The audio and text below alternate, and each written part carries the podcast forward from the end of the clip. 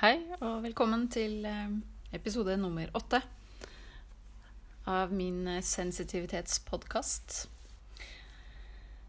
Eileen heter jeg, og eh, har satt meg som mål å dele min kunnskap om sensitivitet i denne podkasten. Så i dag tenkte jeg temaet skulle være litt om sensitive barn. Det er jo en av mine hjertebarn. Eh, hvordan eh, vi møter barn, og at vi eh, spesielt de sensitive og forstår, aksepterer sensitiviteten deres, og hvordan, hvordan det er for dem å, å se Ja, forsøke å se litt verden med dem, med dem sine øyne, da.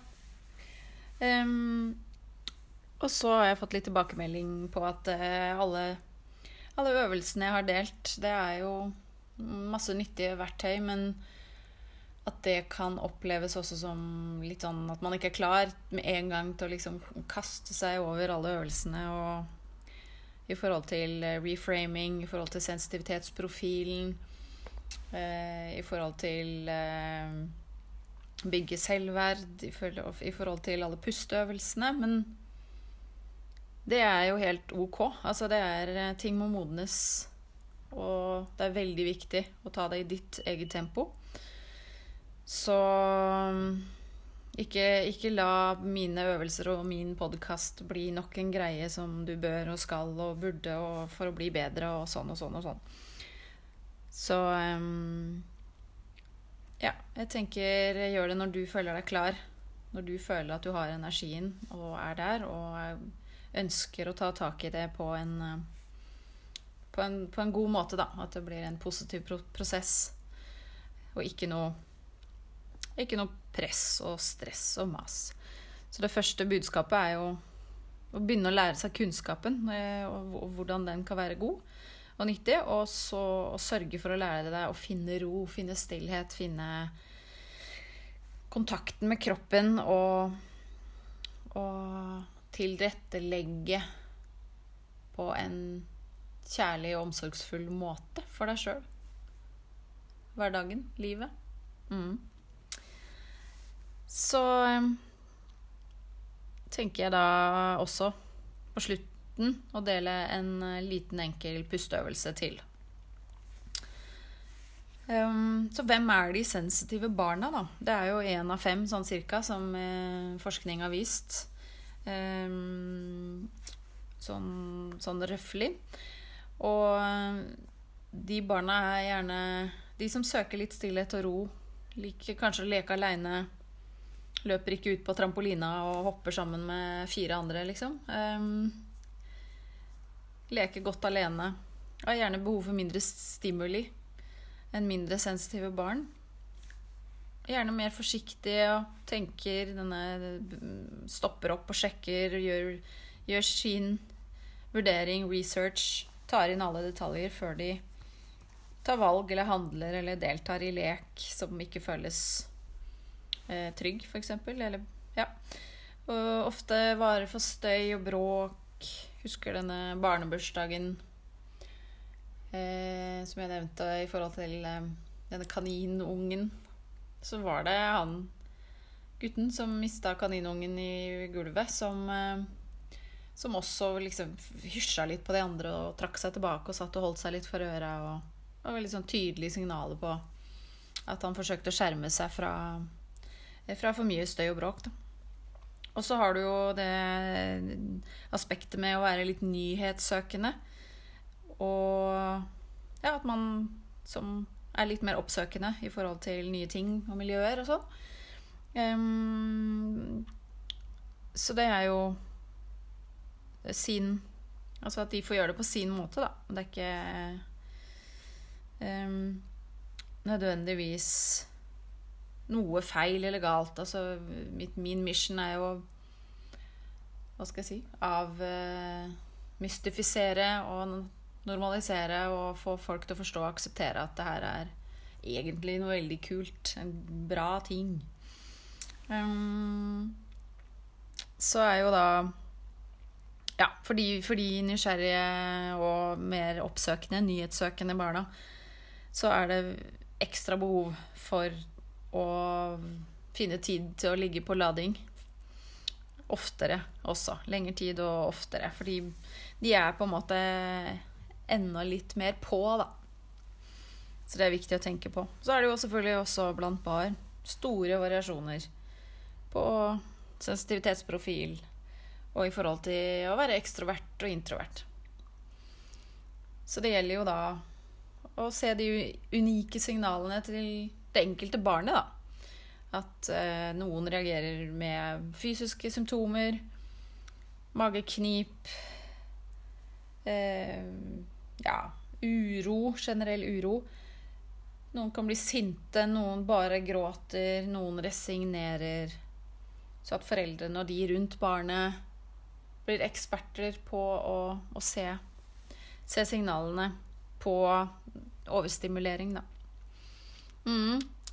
Så um, de erfarne fjellfolka, eller barnefolka, i forhold til dette, dette da, forteller ofte om at skuldrene synker flere hakk ved å få denne informasjonen om sensitivitet. At ah, selvfølgelig, barnet mitt er jo sensitivt. Og, og, og, som forelder ønsker du selvfølgelig å forstå for å kunne være en god forelder. Da. Alle kan vel si alle ønsker å gjøre sitt beste for sine barn. Um, og så hjelper det, er det jo også erfaringen viser, at det hjelper ofte barna også å vite hvorfor de føler som de gjør.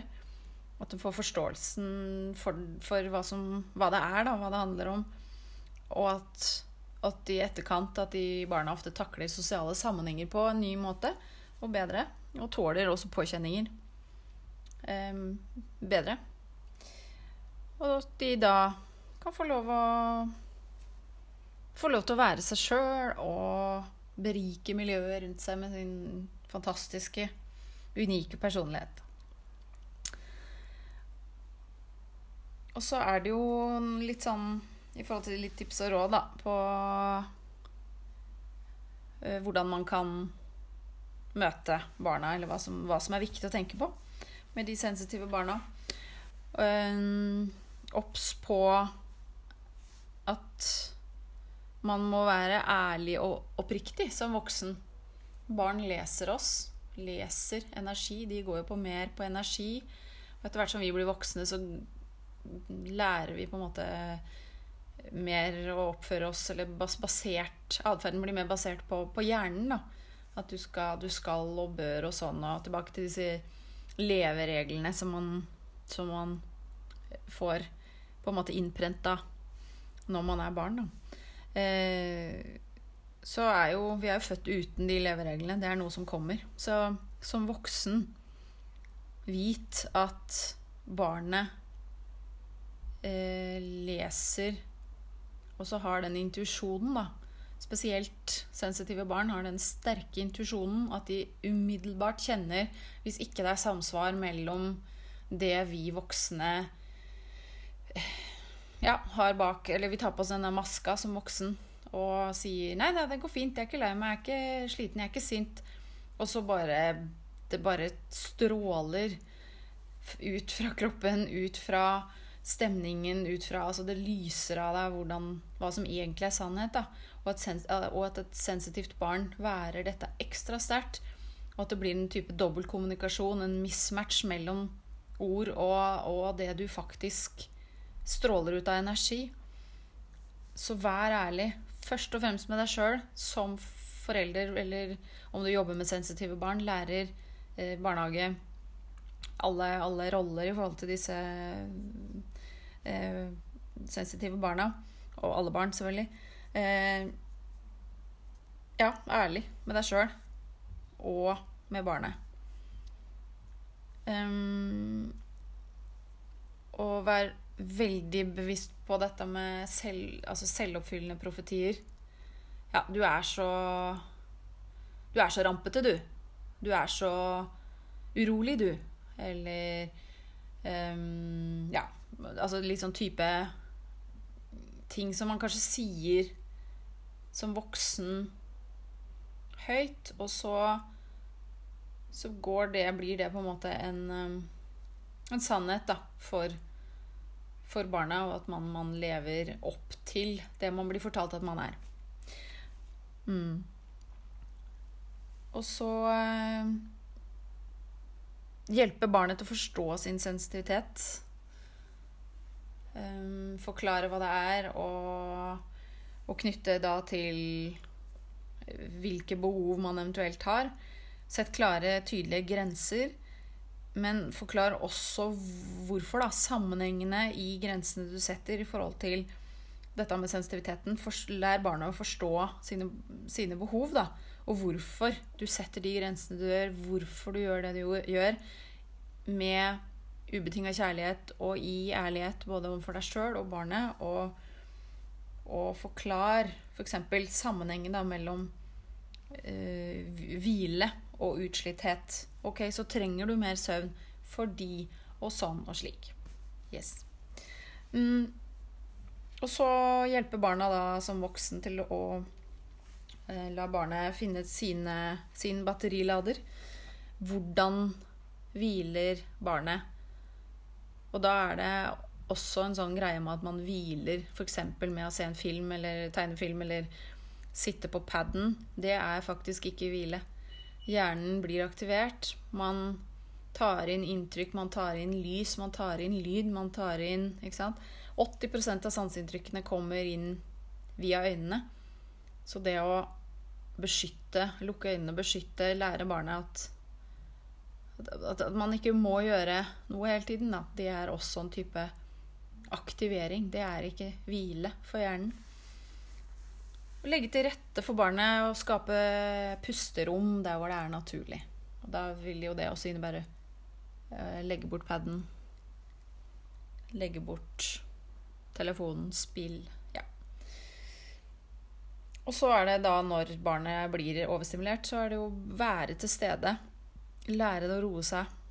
Hjelpe barnet til å forstå hva som skjer. Og se de unike signalene at når man blir trassig, når man Altså, ja, tenke bak atferden, da. Hva er det som har skjedd? Det, hva, hva, har det blitt for mye av? Hjelpe barnet i det og, være til stede for barnet i situasjonen. Lære det å mestre overstimuleringen, for den kan være ganske, ganske skummel. Og ta følelsene også da på alvor. Eh, følelsene er jo 100% reelle. Og det er viktig at barna også opplever at det blir forstått, da.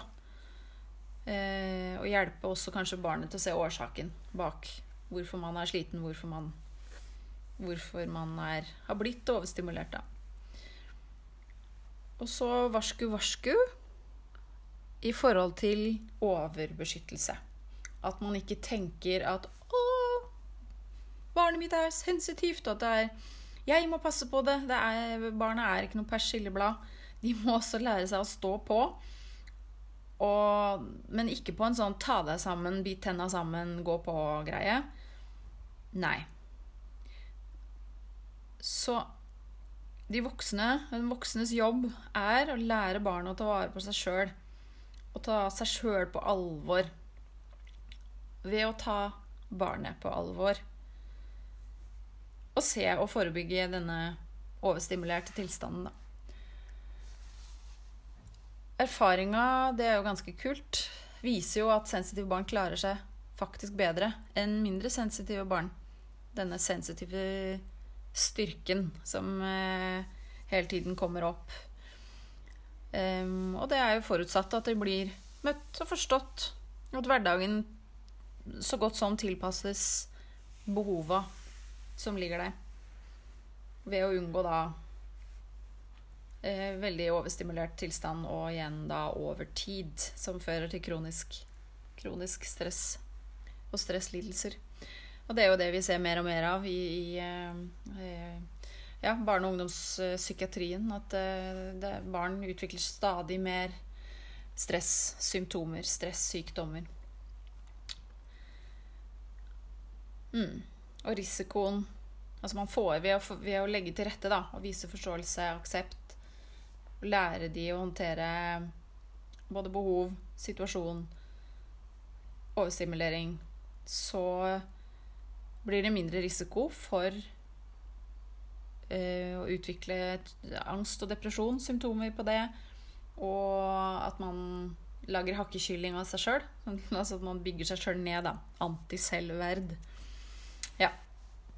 Og så vil jeg bare dele et uh, fint ordtak som jeg fant. Um, barn er noen enestående skapninger. Det er vi som skal forsøke å etterligne dem, ikke omvendt. Lone Dybkjær har sagt dette. Og jeg kunne ønske vi kunne snu det på hodet. At det er barna som skal lære oss voksne hvordan vi skal være. Barna er rene, ubetinga kjærlighet. Og så har vi diskutert Jeg har diskutert med flere nå i forhold til hvorfor er barn så ufine, så, sånn, sånn naturlig råskap, da, i forhold til Det begynner de ganske tidlig med, i forhold til å ta andre i barnehagen, f.eks. Um, så er mine tanker rundt det at fra naturens side, da, hvis du har et dyr som skiller seg ut på i hjorteflokken, eller hvis et dyr halter, så jo, er jo det en risiko for sikkerheten til de andre. For da tiltrekker de seg rovdyr.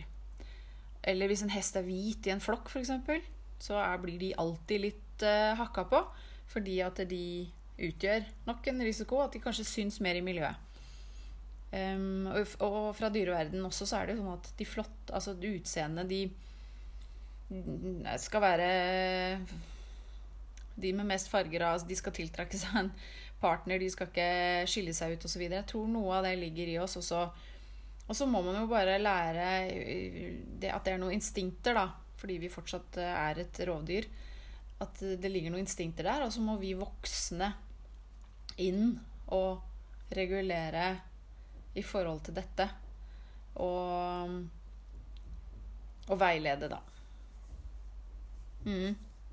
Jeg syns det er en spennende, en spennende diskusjon.